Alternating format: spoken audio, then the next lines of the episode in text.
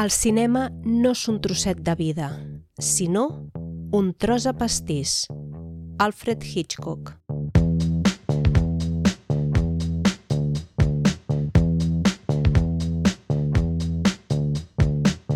En Carlos Duran neix en una barraca de fira on es mostra l'invent del moment, el cinema.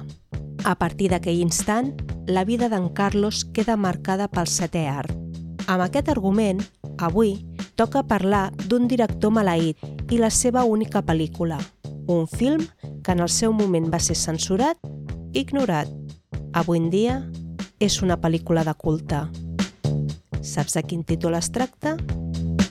llums, càmera, acció.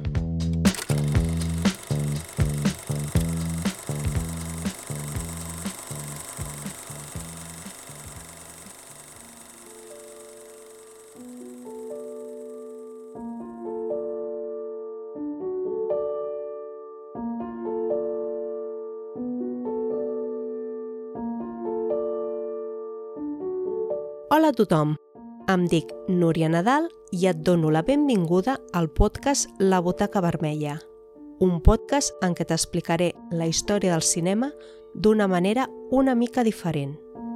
El capítol d'avui està dedicat a un llargmetratge. El més segur és que et desvegui algunes parts de la trama de la història.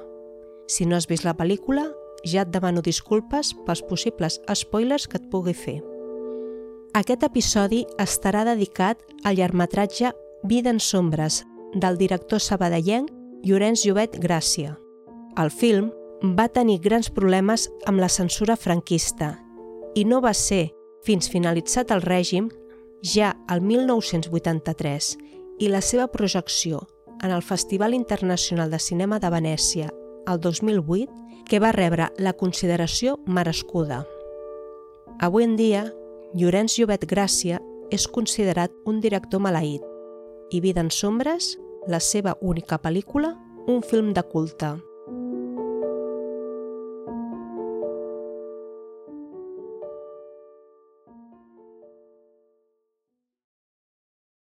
Fitxa tècnica. Vida en sombres, Castilla Films, 1948 Títol original, Vida en sombres. Duració, 85 minuts o 79 minuts. País, Espanya. Direcció, Llorenç Llobet Gràcia. Guió, Victoria Aguado, Llorenç Llobet Gràcia. Música, Jesús García Leoz.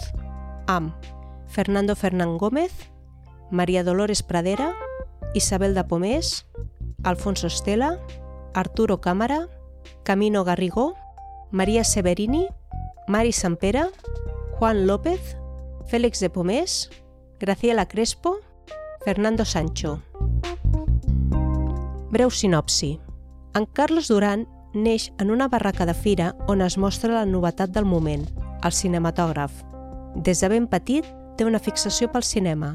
Amb 14 anys, grava un film amateur i més endavant es converteix en operador de cinema. En Carlos Duran es retroba amb l'Anna, una amiga de tota la vida, i durant la projecció de Romeu i Julieta de George Cukor es declara.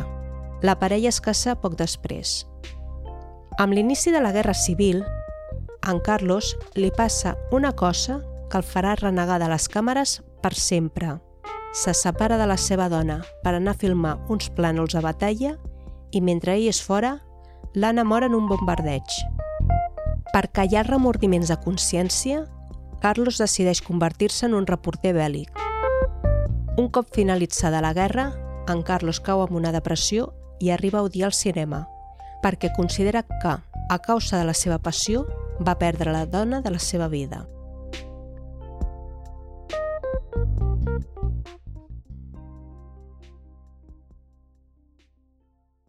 Amb l'argument que acabo d'explicar, és molt difícil creure que Vida en sombres es pogués considerar una pel·lícula problemàtica pel règim franquista.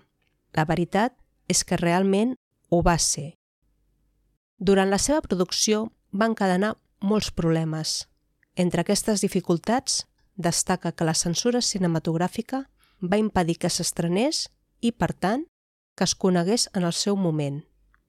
D'aquesta manera, Vida en sombres es va acabar convertint en una pel·lícula maleïda. Llorenç Llobet Gràcia era un empresari de transport i un amant del cinema. A més de ser un aficionat al cinema, també organitzava activitats relacionades amb el cinema a Sabadell, ciutat on residia.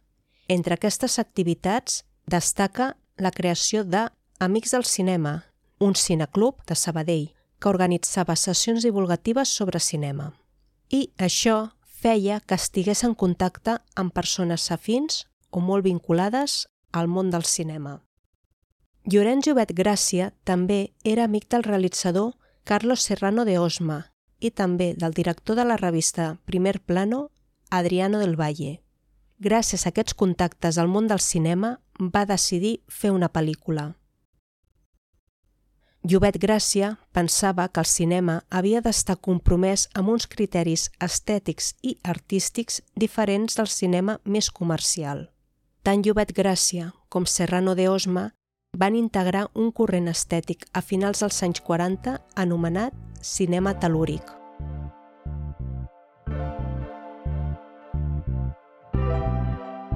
El cinema telúric es va autoproclamar a finals dels anys 40 com un corrent que reivindicava un cinema compromès, sobretot estèticament i artísticament. Tot i ser una corrent força difusa, que pocs directors van seguir, els criteris del cinema telúric s'aprecien molt clarament en els seus treballs. El tema és molt interessant, però avui no hi ha temps per poder aprofundir en el cinema telúric ni descobrir quins eren els seus integrants. Si t'agradaria que parlés en un altre capítol amb més profunditat sobre això, recorda que al lloc web labutacavermella.cat barra idees pots votar i proposar temes pels pròxims episodis.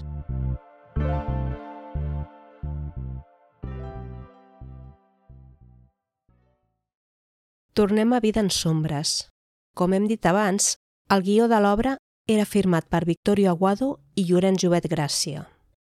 La Direcció General de Cinematografia i Teatro va advertir a la productora, Castilla Films, que la pel·lícula no tenia cap interès dramàtic i que hi havien certes coses en el guió que grinyolaven. Per fer-te una idea, hi ha un moment en què el film apareix la zona roja i a continuació la zona nacional. En una primera instància, al guió se li va denegar el permís de rodatge.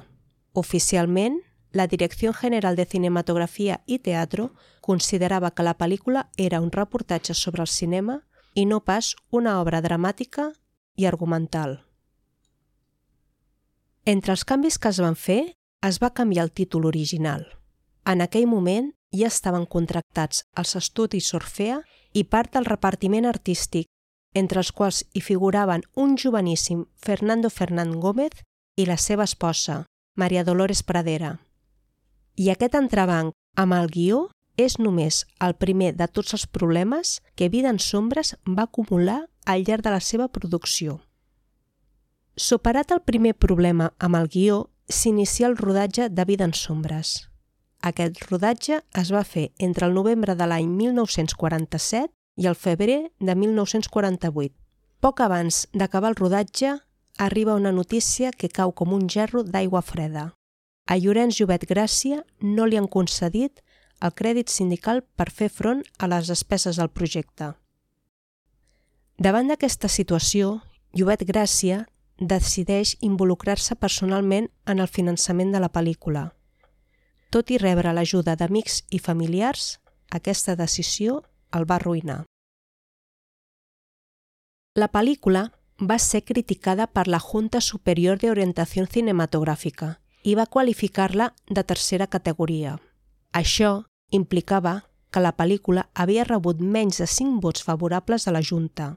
Aquesta classificació, a més, implicava la prohibició de l'exportació de la pel·lícula, que la productora li concedien pocs permisos d'importació i que només podria exhibir-se en uns determinats cinemes, a menys categoria, menys permisos d'exportació, d'importació i menys cinemes. Davant d'aquesta decisió, els realitzadors van decidir fer un nou muntatge i introduir una sèrie de canvis a la pel·lícula. Entre aquests canvis es va canviar el metratge del film. Es va afegir nou material i es van retallar algunes seqüències. Algunes d'aquestes seqüències eren bàsicament petons. Aquest canvi no el va fer Llobet Gràcia, sinó la productora, perquè en aquell moment Llobet Gràcia no va poder-se fer càrrec per motius familiars. Després de fer els canvis, la Junta Superior d'Orientació Cinematogràfica li va donar una qualificació de segona categoria B. Aquesta modificació va permetre que la producció pogués continuar endavant, però seguíem tenint els mateixos problemes que abans. Amb aquesta classificació implicava que la productora li concedirien menys permisos d'importació i que aquesta pel·lícula només podria exhibir-se en un determinat nombre de cinemes, normalment de menor categoria. Durant la dictadura franquista, la censura va exercir un control absolut sobre les pel·lícules que s'estrenaven a Espanya, una censura que també s'aplicava a les estrangeres. Entre les seves tasques hi havia la de revisar els guions de les produccions nacionals, concedir permisos de rodatge llicències d'exhibició i qualificar les pel·lícules per edats. El seu objectiu era preservar la moral i la ideologia del règim. Tot i que el tema és molt interessant, avui no és el que ens pertoca. Si t'agradaria que parlés en un altre capítol sobre la Junta Superior d'Orientació Cinematogràfica i saber com funcionava, recorda que al lloc web labutacavermella.cat barra idees pots votar i proposar temes pels propers episodis.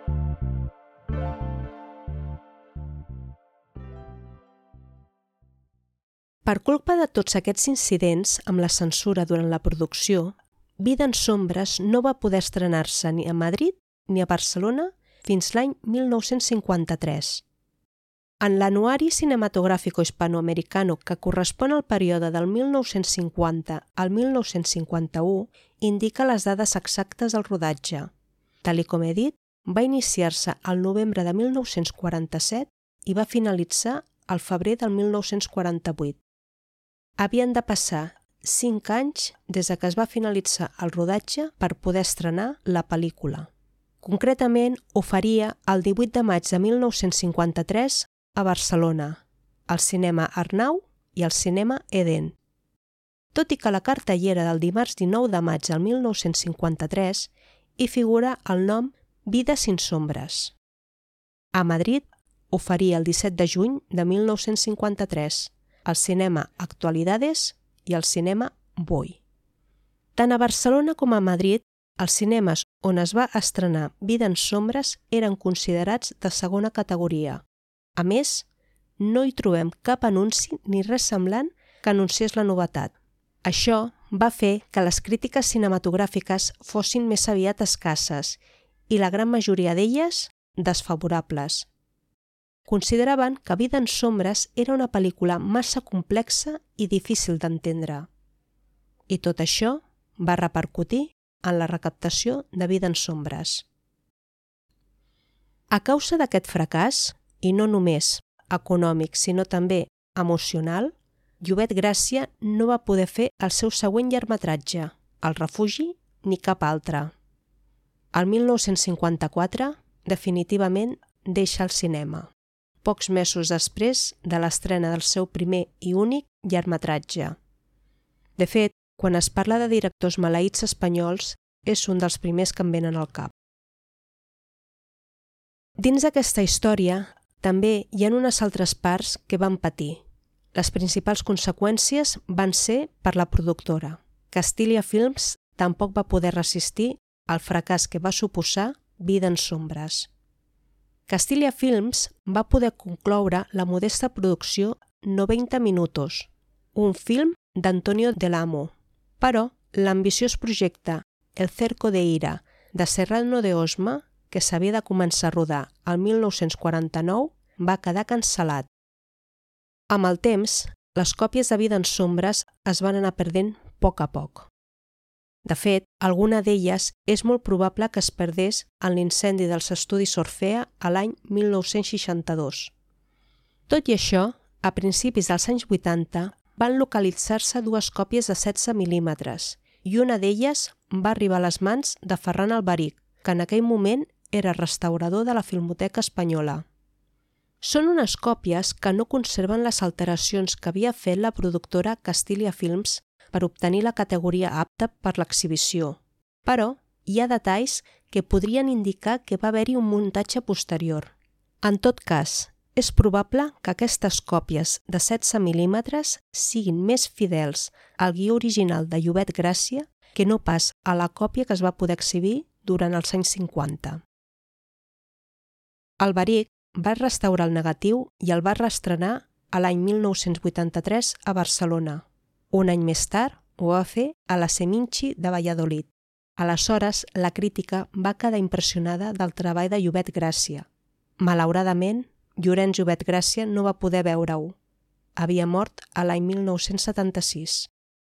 A partir d'aquest moment, Vida en sombres va començar a considerar-se un film de culte.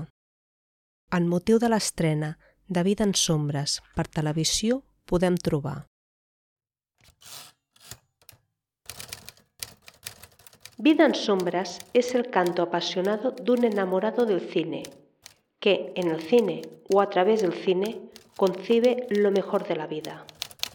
Lorenzo Llobet Gracia, el director, reflejó en este, su único largometraje, buena parte de sus datos biográficos, confundiendo su vida con la del personaje protagonista, el imaginado cineasta Carlos Durán, que interpreta Fernán Gómez. Soñó con el cine como medio poético para reflejar sueños y realidades. Como él, encontró en Rebeca el ejemplo de lo que debía ser el cine. Diego Galán, El País. Gràcies a Ferran Alberic podem gaudir d'un breu documental anomenat Bajo el signo de les sombres, que explica tot el procés de creació de la pel·lícula. Un documental que val molt la pena veure'l. L'any 2007 es va localitzar una tercera còpia en 16 mil·límetres de vida en sombres. Aquesta és de més bona qualitat que les anteriors. Això va permetre que es replantegés una nova restauració del film – en què s'utilitzarien noves tecnologies en el procés de captura i de restauració.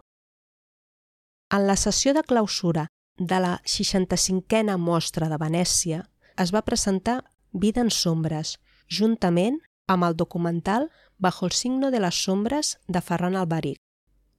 Aquesta presentació es va fer fora de concurs i va ser l'única cinta estatal en aquesta edició. El catàleg del festival la va descriure com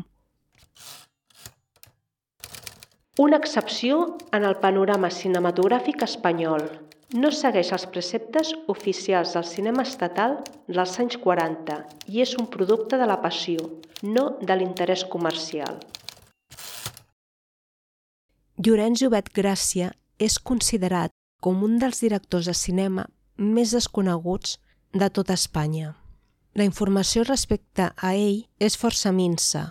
Això sí, una informació que sobretot la trobem a partir del 1983, moment en què es produeix la recuperació de vida en sombres i de la seva figura.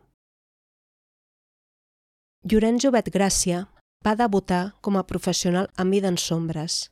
Ell va ser un cineasta molt apreciat i molt respectat pels seus companys cineastes amateurs. La seva il·lusió era fer una pel·lícula professional, però això li va comportar molts problemes. Els cineastes amateurs el van considerar un traïdor i els professionals el seguien considerant un amateur. Vida en sombres va encadenar una sèrie de problemes al llarg de totes les fases de producció d'una pel·lícula i que avui t'he pogut explicar. Malgrat tots aquests problemes, la pel·lícula es va estrenar però va passar completament inadvertida. Vida en sombres ens escriu una forma de fer cinema molt ambiciosa des del punt de vista creatiu, que no té res a envejar a les grans produccions cinematogràfiques. i tot fet des d'una modesta producció. Es la actitud militante y comprometida de Llobet Gracia lo que hace que Vida en Sombras sea tan diferente de las películas de su entorno temporal y cultural. Y quizás también lo que explica el rechazo que suscitó entre los que tenían que juzgarla. Ferran Albaric.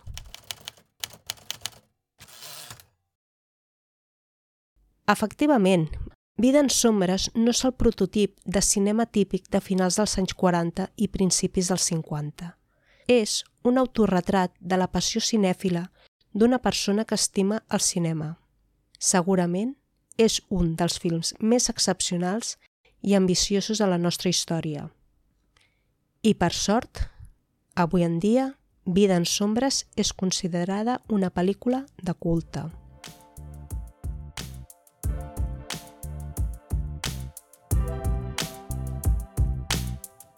I fins aquí aquest episodi de la Butaca Vermella, en el que he parlat de la pel·lícula Vida en sombres. Espero que hagi estat interessant. Si t'ha agradat, no t'oblidis de marcar amb 5 estrelles o la màxima valoració a Spotify o a la plataforma en què estiguis escoltant aquest episodi.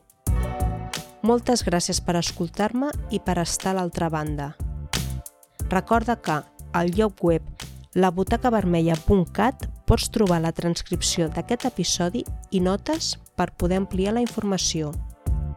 Gràcies i fins aviat!